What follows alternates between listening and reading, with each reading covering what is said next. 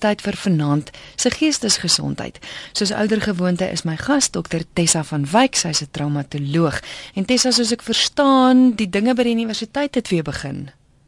Ek by die universiteit het weer begin ja klas gegee en ons baie studente hierdie jaar. So ehm um, maar dit is lekker. Maar ons is bly dat jy nog steeds in die aande met ons kan gesels. Ja, dit is heerlik. Ons gesels vanaand oor die trauma van buiteegtelike en veral tienerswangerskappe. Dit was ook een van die temas wat uitgekom het toe ek en jy so rukkie terug gevra het vir temas om oor te gesels en daarom is jy as luisteraar baie welkom om saam te gesels. Jy kan vir ons 'n SMS stuur na 33 43 as jy dalk 'n spesifieke vraag het 3343 dit kos jou R1.50 of jy kan 'n e-pos stuur via ons webwerf rsg.co www.rsg.za. Dokter Tessa, is daar verskillende tipes buiteegtelike swangerskappe? Ja, daar is nogal. Ons is nogal geneig om te dink 'n 'n buiteegtelike verhouding of die, of die tipiese een wat ons aan dink altyd is die een waar 'n uh, tiener op die ouderdom van 16 swanger raak. Uh, maar daar is baie en die intensiteit van die verskillende buiteegtelike swangerskappe verskil ook as jy byvoorbeeld kyk na 'n jong getroude paartjie, jy weet net dit hang ook alles af van die behoeftes van die paartjie en hulle ingesteldheid en ook hulle toekomsdrome rakende kinders. uh, Party mense se uh, paartjie sal dit verwelkom. Ehm um, uh, party sal sê ek wil nooit kinders gehad het nie. Party sal sê dit is te vroeg, dit is nog steeds 'n skok of selfs 'n teleurstelling. Baie vrouens sal byvoorbeeld sê my loopbaan is nou daarmee heen.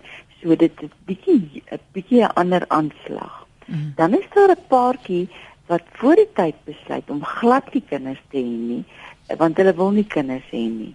En dan is dit ook traumaties as die die vrou swanger raak want dan moet daar 'n hele doelverskywing kom of 'n fokusverskywing kom van ewe skielik moet ek en dit is ook gewoonlik daar waar waar hulle baie keer voel ek lê die kind verwerk want hierdie kind kom steel by my. Soos heeltemal iets uh, mm. op 'n ander op 'n ander vlak. Dan kry mens die, die tienerdogter swangerskappe wat ons bietjie meer gaan fokus op op op vanaand. En dis definitief daardie verlies aan my jeug my onskuld wat die wat die meisies ervaar. Die skok van wat gaan my ma en pa sê wat gaan die die mense sê. Weet daai skande effek. Ek dink in vandag se dae is die skande nie meer so groot soos toe ons klein was nie. Jy weet en groot geword het of tieners was nie. Toe was dit 'n verskriklike ding as jy buite egtelik swanger geraak het. Vandag is dit sosiaal meer aanvaarbaar maar dit steel nog steeds daardie jeug en jou onskuld en jy voel uh, baie meisies sal vir my sê my hele lewe is nou weggegooi. Jy weet dit is nie waar nie, maar dit is hoe hulle voel op daai oomblik. Baie moet skool verlaat. Ehm um, uh, alhoewel deesdae het die hele uh, beleid verander. Ek het so verlede jaar einde verlede jaar met 'n kind gewerk wat swanger geraak het en sy kan na matriek voltooi hierdie jaar die skool laat dit toe. So dit daar's ook 'n hele hele ander storie. Dan kry jy natuurlik wat vir my baie meer traumaties en baie intens is wanneer jy swanger raak na 'n verkrachting. Mm. Nou dit is nou letterlik die die swangerskap is dan die sekondêre trauma waar die verkrachting die eerste trauma is. Is jy weet, is daar die absolute vrees en verlies, die pyn en die angs en dan daarmee saam is daai woede en ek voel vuil selfverwyd, kastyding en natuurlik die die moontlikheid dat jy uh, HIV AIDS positief is. Jy weet na 'n verkrachting. So dit dit maak dit baie baie baie moeilik moeiliker vir die jong meisie om dan nog die swangerskap en die besluit te neem oor die baba. Ons kyk nou spesifiek oor tienerswangerskappe. Ander vrae is ook welkom wat gaan oor die oor die buiteegtelike swangerskap, maar Met in vandag se tyd, daar is soveel kennis oor voorbehoedmiddels. Dit is eintlik vreemd om te dink dat goed soos buiteegtelike swangerskap en veral tienerswangerskappe nog gebeur. Ja, mens dink nogal baie keer ehm um, jy weet dis is al van hoe kon jy so dom gewees het? Jy weet mense wil mense wil dit amper dadelik vir die meisies sê, maar hoe kon jy so dom gewees het? Maar daar's baie baie redes hoekom hoekom mense nog steeds swanger raak. Baie keer is dit regtig onkunde. Jy weet wat hulle uh, nie almal is soos die Engelse woord naam Engelse sê streetwise nie. Jy weet so dit maak dit bietjie anderster dat jy of onder 'n streng Christelike huis groot geword het, dan weet jy nie van beter nie.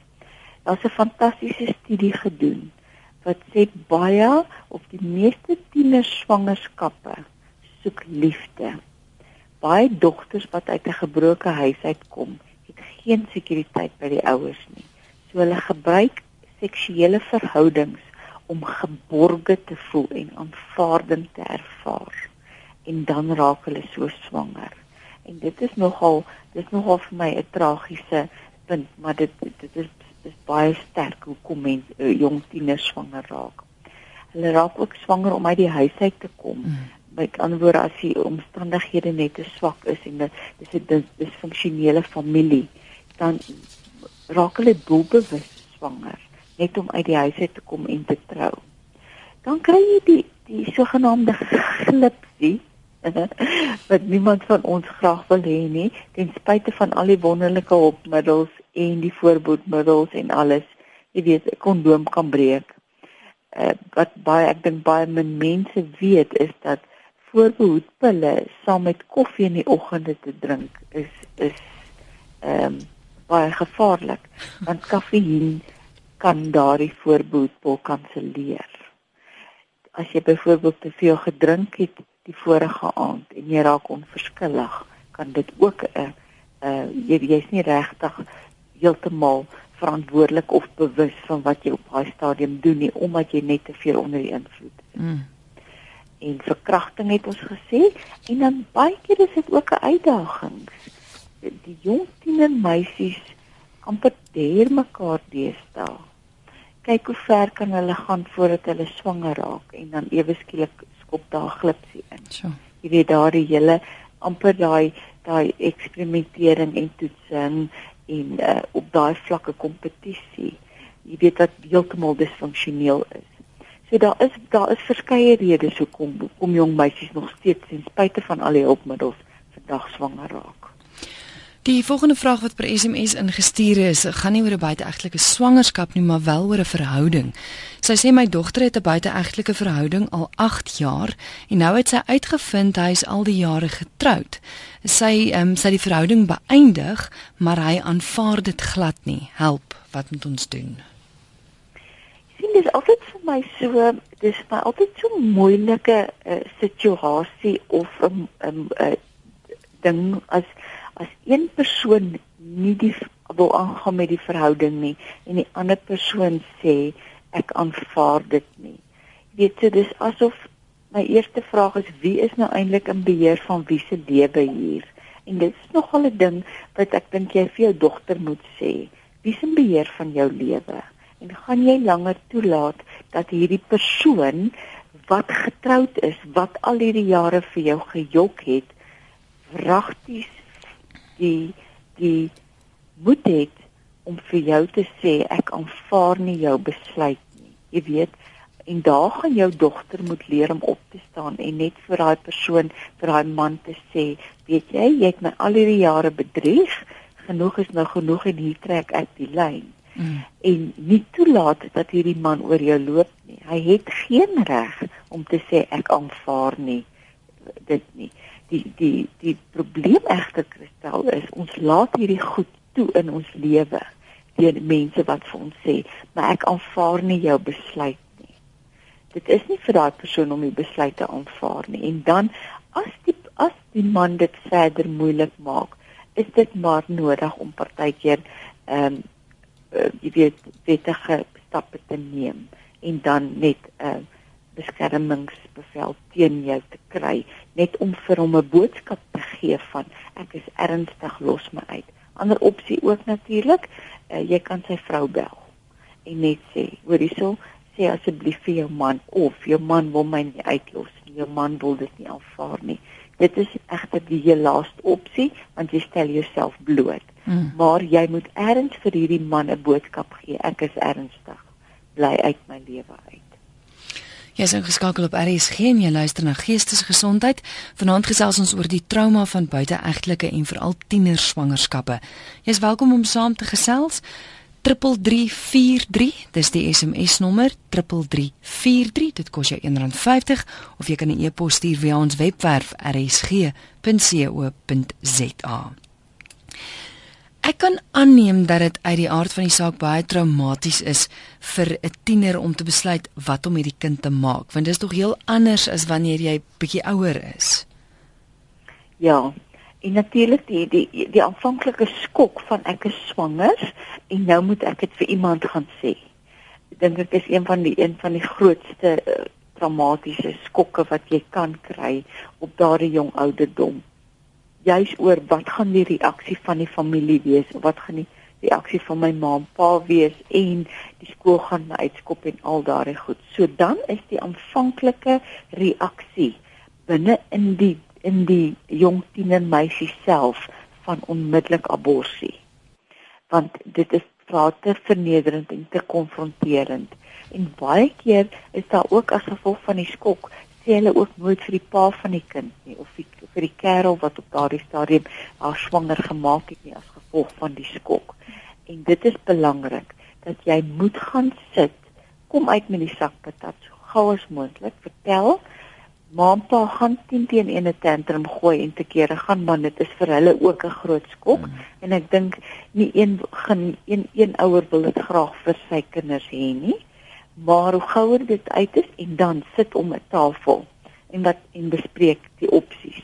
Wat ek gewoonlik doen wanneer so 'n tiener meisie na my toe kom, is dan gee ek drie opsies en ek verduidelik elke opsie en ek gaan sê vir die meisie om huiswerk te gaan doen en regtig 'n diepte studie van elke opsie, die voordele en die nadele, die gevolge korttermyn en langtermyn van die opsies. En die eerste opsie is om die kind te hou. Jy weet, en die kind self groot te maak met ondersteuning van die familie. Die tweede een is aanneming wat mens kan kyk daarna en ook na die gevolge en langtermyngevolge en natuurlik die derde een is die abortus wat ehm um, jy weet aanvanklik dink ons o, jene dit is verskriklik erg. Maar wanneer jy wel in 'n situasie was waar jy verkrag is en dit is verskriklik traumaties uh, jy weet is dit iets om na te gaan kyk maar nie sonder begeleiding nie. En daar moet definitief vir saam met die meisie gekyk word na die gevolge van al drie hierdie hierdie opsies en dan die persoon begelei na die regte keuse toe en dit is gewoonlik wat nie gebeur nie Christel as gevolg van die skok en die angs en die vrees en die skande en alles hou hierdie meisies dit vir hulle self en hulle gaan en hulle maak verkeerde keuses.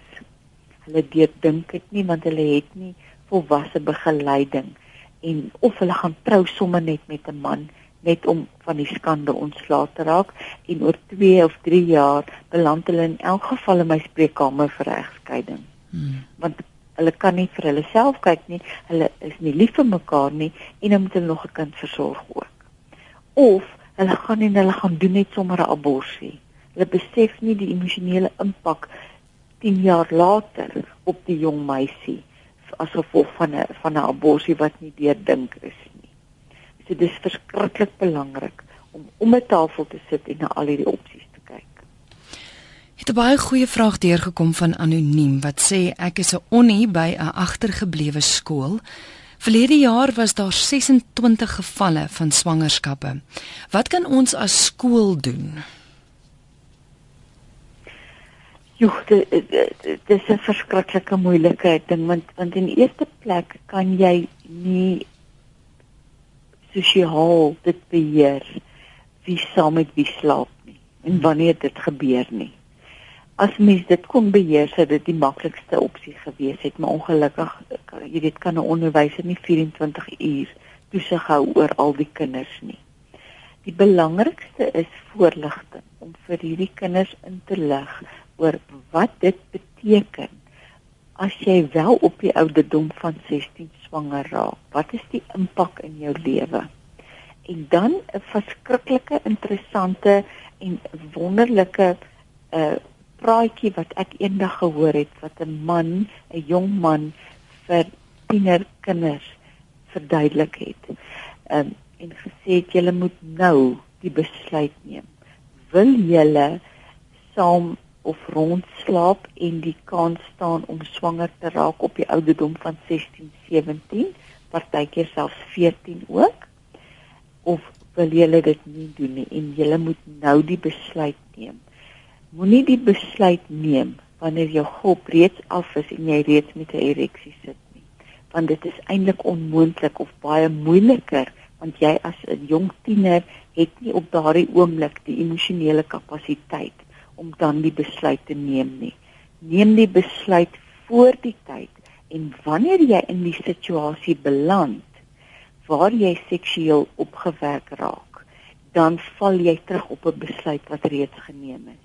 En dit het my verskriklik sin gemaak om op so 'n manier die jong kinders te begelei in die regte besluitneming voor die tyd uh, in in in ampere waardestelsel en te sê weet jy ek wil dit nie doen nie want ek wil nie die risiko staan om wel swanger te raak nie of om wel een of ander siekte op te doen nie. En en dan jy weet daai voorligting vir hulle te doen op so 'n manier. En dan wat ek gevind het selfs by die universiteit en waar waar mens met jong met kinders werk is of jong mense werk is wanneer jy wel 1 tot 1 met hulle kan praat op 'n baie informele manier dat jy agterkom wat gaan aan in die in die huishouding maar wat gaan ook aan rakende die waardesisteem wat daardie kind mee sit op daardie oomblik. Wat gaan in daai koppie aan? Wat dink hulle, wat voel hulle? En dan is dit ook makliker om so 'n kind te begelei, want baie keer in 'n groepsverband sal hulle nie opstaan en sê, weet jy, ek wil swanger raak want ek wil uit die huis uit gaan Hmm. Maar een tot een sal hulle dit wel vir jou sê. Het 'n SMS deurgekom van een van ons Engelse luisteraars, dis Nicole, en sy sê sy kan nie oor die feit kom dat haar dat haar kerel haar bedrieg het nie. Sy sê he was cheating on cheating cheating on me and I didn't want to leave him because we were having a child and I love him. I pray every night to forgive and forget, but I can't seem to. Sy sê sy was in die kerk ook en sy daar ook woord gekry wat sê dat sy moet vergewe en vergeet, maar sy sê dis baie moeilik, sy probeer baie hard ja, 'n 'n verskriklike belangrike ding van 'n buiteegtelike verhouding wanneer of wanneer iemand jou uh, jou gecheat het of verneek het uh, binne 'n verhouding is om daardie vertroue weer terug te wen. Maar 'n groot misverstand wat ons het wanneer iemand in 'n ontrou was in 'n in 'n verhouding is gewoonlik verwag ons van die vrou soos in hierdie geval om dan daardie vertroue terug te wen. En dit is heeltemal belaglik. Die persoon wat die vertroue in die eerste plek gebreek het, is die persoon wat die hardste moet werk om dit weer terug te kry. En daarom sal ek voorstel om saam met jou man te gaan sit en vir hom te sê ek sukkel om jou te vertrou. Ek sukkel om jou te vergewe. Jy gaan vir my moet help en dan praktiese reëlings betref. Soos byvoorbeeld, wanneer jy laat gaan kom, gee vir my net 'n likeie en sê ek is 5 minute laat of die verkeer is baie dat ek weet. As jou SMS lui, sê of afgaan, sê vir my, o, dis die werk of dis Petrus of wie ook al wat my nou net 'n SMS het. Hou haar ingelig en op so 'n manier éventueel word die vertroue herstel tweede ding is vergifnis is nie 'n emosie nie en dit is baie keer 'n groot misverstand. Want as ons moet wag vir 'n emosie kristel, sal ons nooit mense vergewe nie. So jy moet 'n keuse maak, 'n doelbewuste besluit om te sê ek kies om jou te vergewe en jy hoef dit nie eens teenoor hom uit te spreek nie. Jy moet dit net in jou eie hart sê. Jy kan dit vir, jou, vir jouself hardop ook sê ek kies om jou te vergewe en ek gaan nie langer belê in dit nie. En vergifnis is 'n proses. So jy moet dit meer as een keer doen en jy moet dit aanhou doen totdat jy voel nou het jy by 'n plek gekom waar jy wel vry is en waar jy wel vergewe het. En as jy daai twee prosesse saamhardloop, gaan jy éventueel by 'n plek kom wat vertroue herstel en waar jy vergewe het. Is nog iemand wat sê ek het 'n kind op 16 gehad en ek het haar aangegee vir aanneming, maar na 10 jaar het ek uitgevind dat my kind verdrink het as gevolg van die aanneemma se nalatigheid. Sou my kind gelewe het as ek haar gehou het? Ek voel ek het 'n aandeel aan haar dood. Ek is gelukkig getroud, maar die selfverwyte vreet my op. Jo. Ja, dit is dit is 'n vraag wat wat ek nie vir jou kan antwoord nie want dit, ons kan nie in die toekoms en kyk nie en ons kan ook nie sien jy weet wat is die ander ander kant nie hmm. was 'n fantastiese fliek ehm um, uh, the sliding doors ja. hmm. wat ehm um, jy weet wat wys wat sou gebeur het as jy dit doen of wat sou gebeur het as jy die ander pad gekies het ehm um, jy weet wat ek dadelik aan dink. So ons sou nooit geweet het nie dit is iets wat jy vir jouself moet sê. Jy gaan nie weet sou jou kind se pad gewees het as jy wel jou kind gehou het nie.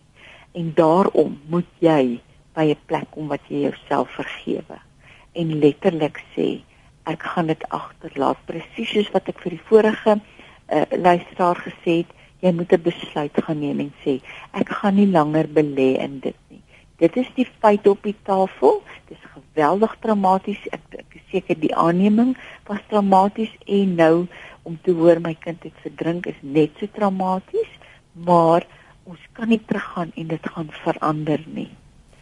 Jy weet, so dis eintlik 'n mors van tyd wat jy besig is om te doen. Jy maak jouself onnodig siek deur te belê in hierdie tipe gedagtes. So stop die gedagtes en elke keer as daar 'n gedagte opkom van plek dat ek maar of wat gesou, wat as dan moet jy jouself stop en sê nee, ek gaan nie daaraan dink nie. Ek het myself vergewe, dis verby. Ek beweeg vorentoe. En soos jy sê, jy's in 'n gelukkige huwelik. En die oomblik as jy gaan langer belê in hierdie skuldgevoelens, gaan dit éventueel negatief manifesteer in jou huwelik en dit kan jy nie toelaat. SMS wat sê hoe benader 'n onderwyser dit as hy of sy sien dat 'n kind swanger is, maar die ouers kom lig ons nie in nie. En ek dink dit sluit ook aan by hoe hoe tree die mense om so 'n persoon op? Wat moet mens doen? Ja, weet jy, weet jy ek dink mens moet dit maar so redelik normaal as moontlik hou. Uh, as onderwyser dit hang ook af wat is jou verhouding met die kind. Jy weet, is dit 'n uh, het die kind 'n vertroue in jou of het die kind nie vertroue in jou nie? Dan sal ek baie subtiel die kind letterlik alleen met die kind praat. Dat jy nie in 'n klassituasie erns 'n vorm van vernedering of 'n blootstelling onnodig aan die kind gee nie. En dan net vir die kind vra is jy swanger? Jy weet ek sien daar is sekere tekens. En verkieslik ek ek glo dis 'n vroue onderwyseres. Jy weet en sê ek sien is daar tekens is daar iets waarmee ek jou kan help of ons as skool kan help met die swangerskap? En dan wag jy en kyk wat is die kind se reaksie teenoor jou. En as die kind heeltemal uh, negatief is en sê nee wat dankie en ons het niks nodig nie en ons gaan oukei okay wees, dan dink ek moet jy terug staan. Dan het jy uitgereik en as die kind dan aan die teenoorgestelde reageer en sê sê ja, ek weet nie wat om te doen nie, ek het 'n oor nodig, dan kan jy die pad verder saam met die kind loop. Jy weet en dalk ook vir die kind ehm um, begelei in die proses van sekere keuses wat geneem word en op so 'n manier dalk die die ouers ook nader trek en dan hulle help daarmee maar dat die kind vir jou die aanduiding gee wat is die volgende stap. Dankie vir die SMS wat so ver deurgekom het op 3343 dit kos jou R1.50. Hier's 'n luisteraar wat sê, "Ehm um, sal iemand wat 'n abortus gehad het weer kan swanger word? Ek het 'n abortus gehad en ek verlang na 'n kind. Ek is 25." Ek dink dis 'n mediese vraag. Ehm uh, so ek ek glo en ek weet definitief van mense wat wel aborsies gehad het en swanger geraak het weer daarna. Maar ek dink die beste sal wees om wel na jou ginekoloog toe te gaan en vir 'n ordentlike ondersoek en te kyk of alles reg is en of dit moontlik vir jou is om swanger te raak. Ek dink dit hang van individu na individu in, maar die die beste is maar om na die mediese dokter te gaan. En as mens kyk na die trauma waarde daarvan, ek meen dit is 'n besonderse traumatiese ding wat gebeur of is daar sommige mense wat oukei okay is na hulle dit gedoen het? Dit hang af hoekom hulle abortus kry. Daar is sommige mense wat oukei okay is met met 'n uh, uh, abortus as uh, byvoorbeeld na 'n verskriklike lelike verkrachting. Jy weet, dan dan is dit oukei. Okay. Wat ook baie keer gebeur waar 'n vrou makliker vrede maak as hulle op 'n baie vroeë ouderdom agterkom, daar is baie drastiese fout met die baba jy weet en dat die dokter op a, as gevolg van mediese redes mm. voorstel dat daar wel 'n abortus gedoen word. Dit is nog steeds traumaties, maar die impak langtermyn is minder want uh, gewoonlik is daar ook uh, baie gesonde gesprekke saam met die mediese dokter.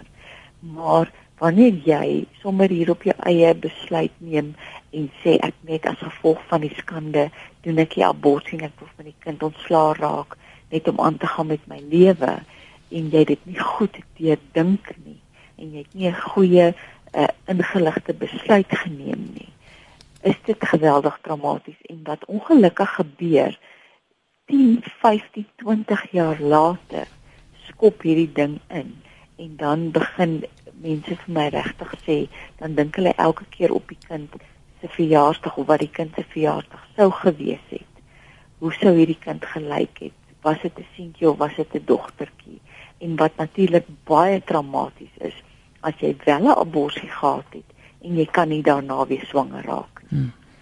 dan is dit geweldig traumaties vir vir so 'n persoon. Jy weet om dit deur te werk maar wanneer jy wel besluit op abortus en jy werk daardeur en jy neem 'n ingeligte besluit saam met jou mediese dokter en saam met 'n terapeut dan uh, verminder jy die trauma vir latere jare. Anoniem sê ek was 16 toe ek swanger geraak het, meer as 40 jaar terug. Hy was 10 jaar ouer en ons het toe al 2 jaar uitgegaan. 25 jaar later, twee dogters, ons is geskei. Kinders trou is nie 'n oplossing nie, ongeag hoe volwasse jy dink jy is. Later jare besef jy dit. Al positiewe kant van die hartseer verhaal is my dogters met wie ek 'n wonderlike verhouding het. Ja, ek ek wil nogal saam met die luisteraars stem. Jy weet in die vroeë jare toe ons toe ons jonk was, was dit die enigste opsie. Jy moet trou. Jy moet hmm. trou met hierdie hierdie ehm um, en ons het ook van die moedtroues gepraat. Uh jy weet van uh, nie die skande oor die familie se naam bring nie, so trou dadelik onmiddellik. Nie weer dink nie en alles en daar is nie noodwendig liefde binne in daardie verhouding nie en is ook nie net dalk noodwendig die regte man vir jou of die, die regte vrou vir jou nie. En die rede hoekom jy trou is verkeerd. En dit is gewoonlik een van die eerste goed wat ek in huweliksberading doen. Gaan vra vir die paartjie, hoekom het julle in die eerste plek getrou? Begin by die begin. En 99% van die keer verstel wanneer daar ernstige probleme is, was die begin verkeerd.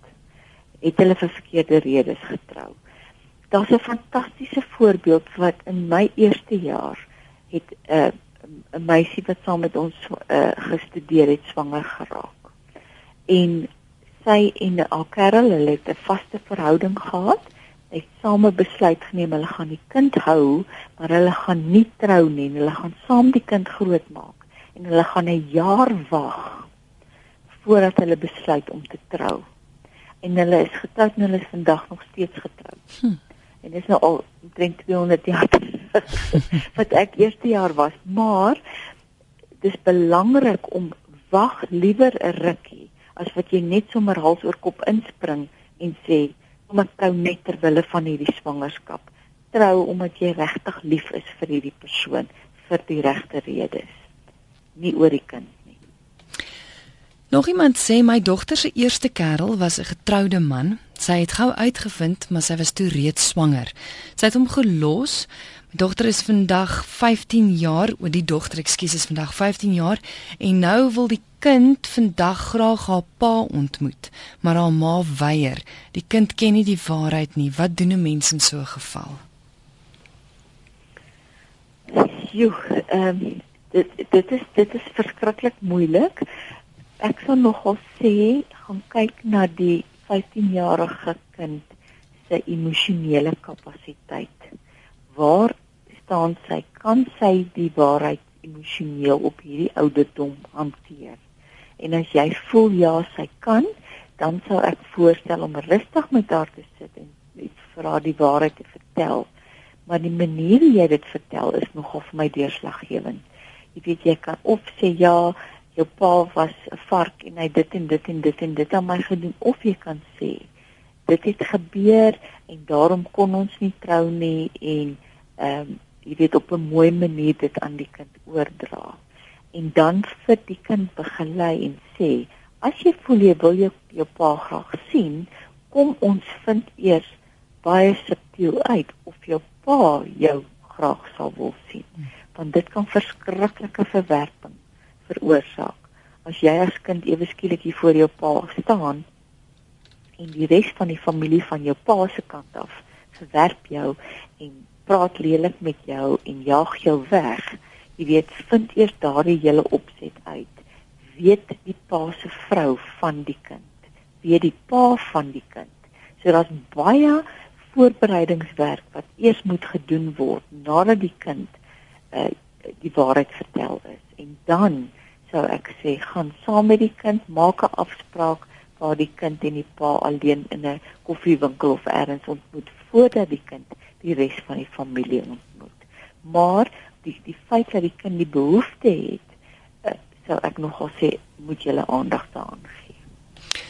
Ons het aan die einde gekom van die program. Is 'n hele paar SMS'e wat deurgekom het, 'n paar ook wat nie met die met die tema te doen het nie, maar ek dink as as luisteraars met jou in verbinding sou wou tree, vra wat hulle graag beantwoord sal wil hê, is daar 'n manier hoe hulle met jou in verbinding kan tree? Die beste manier is om, om tog maar 'n e-pos te stuur, want dan kan jy lekker 'n storie vir my vertel en al die details vir my gee. Dis my maak dit vir my makliker. Is doctessa@gmail.com. Ek wil gou by jou hoor. Volgende week het ons nou gesê gaan ons gesels oor Oh, is my kop te mekaar. Is nou laat in die as aand. As iemand nie as iemand nie uh, trauma behandeling wil hê na iemand, trauma nie. Goed, so ek wil sommer vra ook vir luisteraars as hulle voor die tyd al vra wil deurstuur deurstuur of so kan hulle dit na my e-posadres kristel@rsg.co.za stuur. En dan vinnig net gou oor die boek Dr Tessa, is die nog beskikbaar op die rakke? Hy's nog beskikbaar. Die boek se naam is 'n selfhelpboek en die boek se naam is Trauma riglyne vir slagoffers. Hy's uitgegee saam met RSG en deur Naledi Uitgewers en hy is ook by kalahari.com beskikbaar. En ons trek nou by dag 7 van die kapasiteitsbouprogram op Twitter as mense my daar wil volg @askdoktessa uh van die kapasiteitsbouprogram. Ons het ongelukkig uh so baie of gelukkig baie reën gehad hier in Noordwes mm -hmm. en op een dag was al ons sisteme af maar ek het hom dadelik weer opgevang. So ons trek nou by dag 7. Fantasties. Baie dankie en 'n lekker aand verder. Die bietjie wat oor is. Totsiens. Dis dokter Tessa van Wyk met wie ek gesels het. Sy is traumatoloog en vanaand se tema was die trauma van buiteegtelike en veral tiener swangerskappe. As jy dalk net 'n deel van die program gehoor het en laat ingeskakel het, die program is beskikbaar as potgooi op rsg.co.za.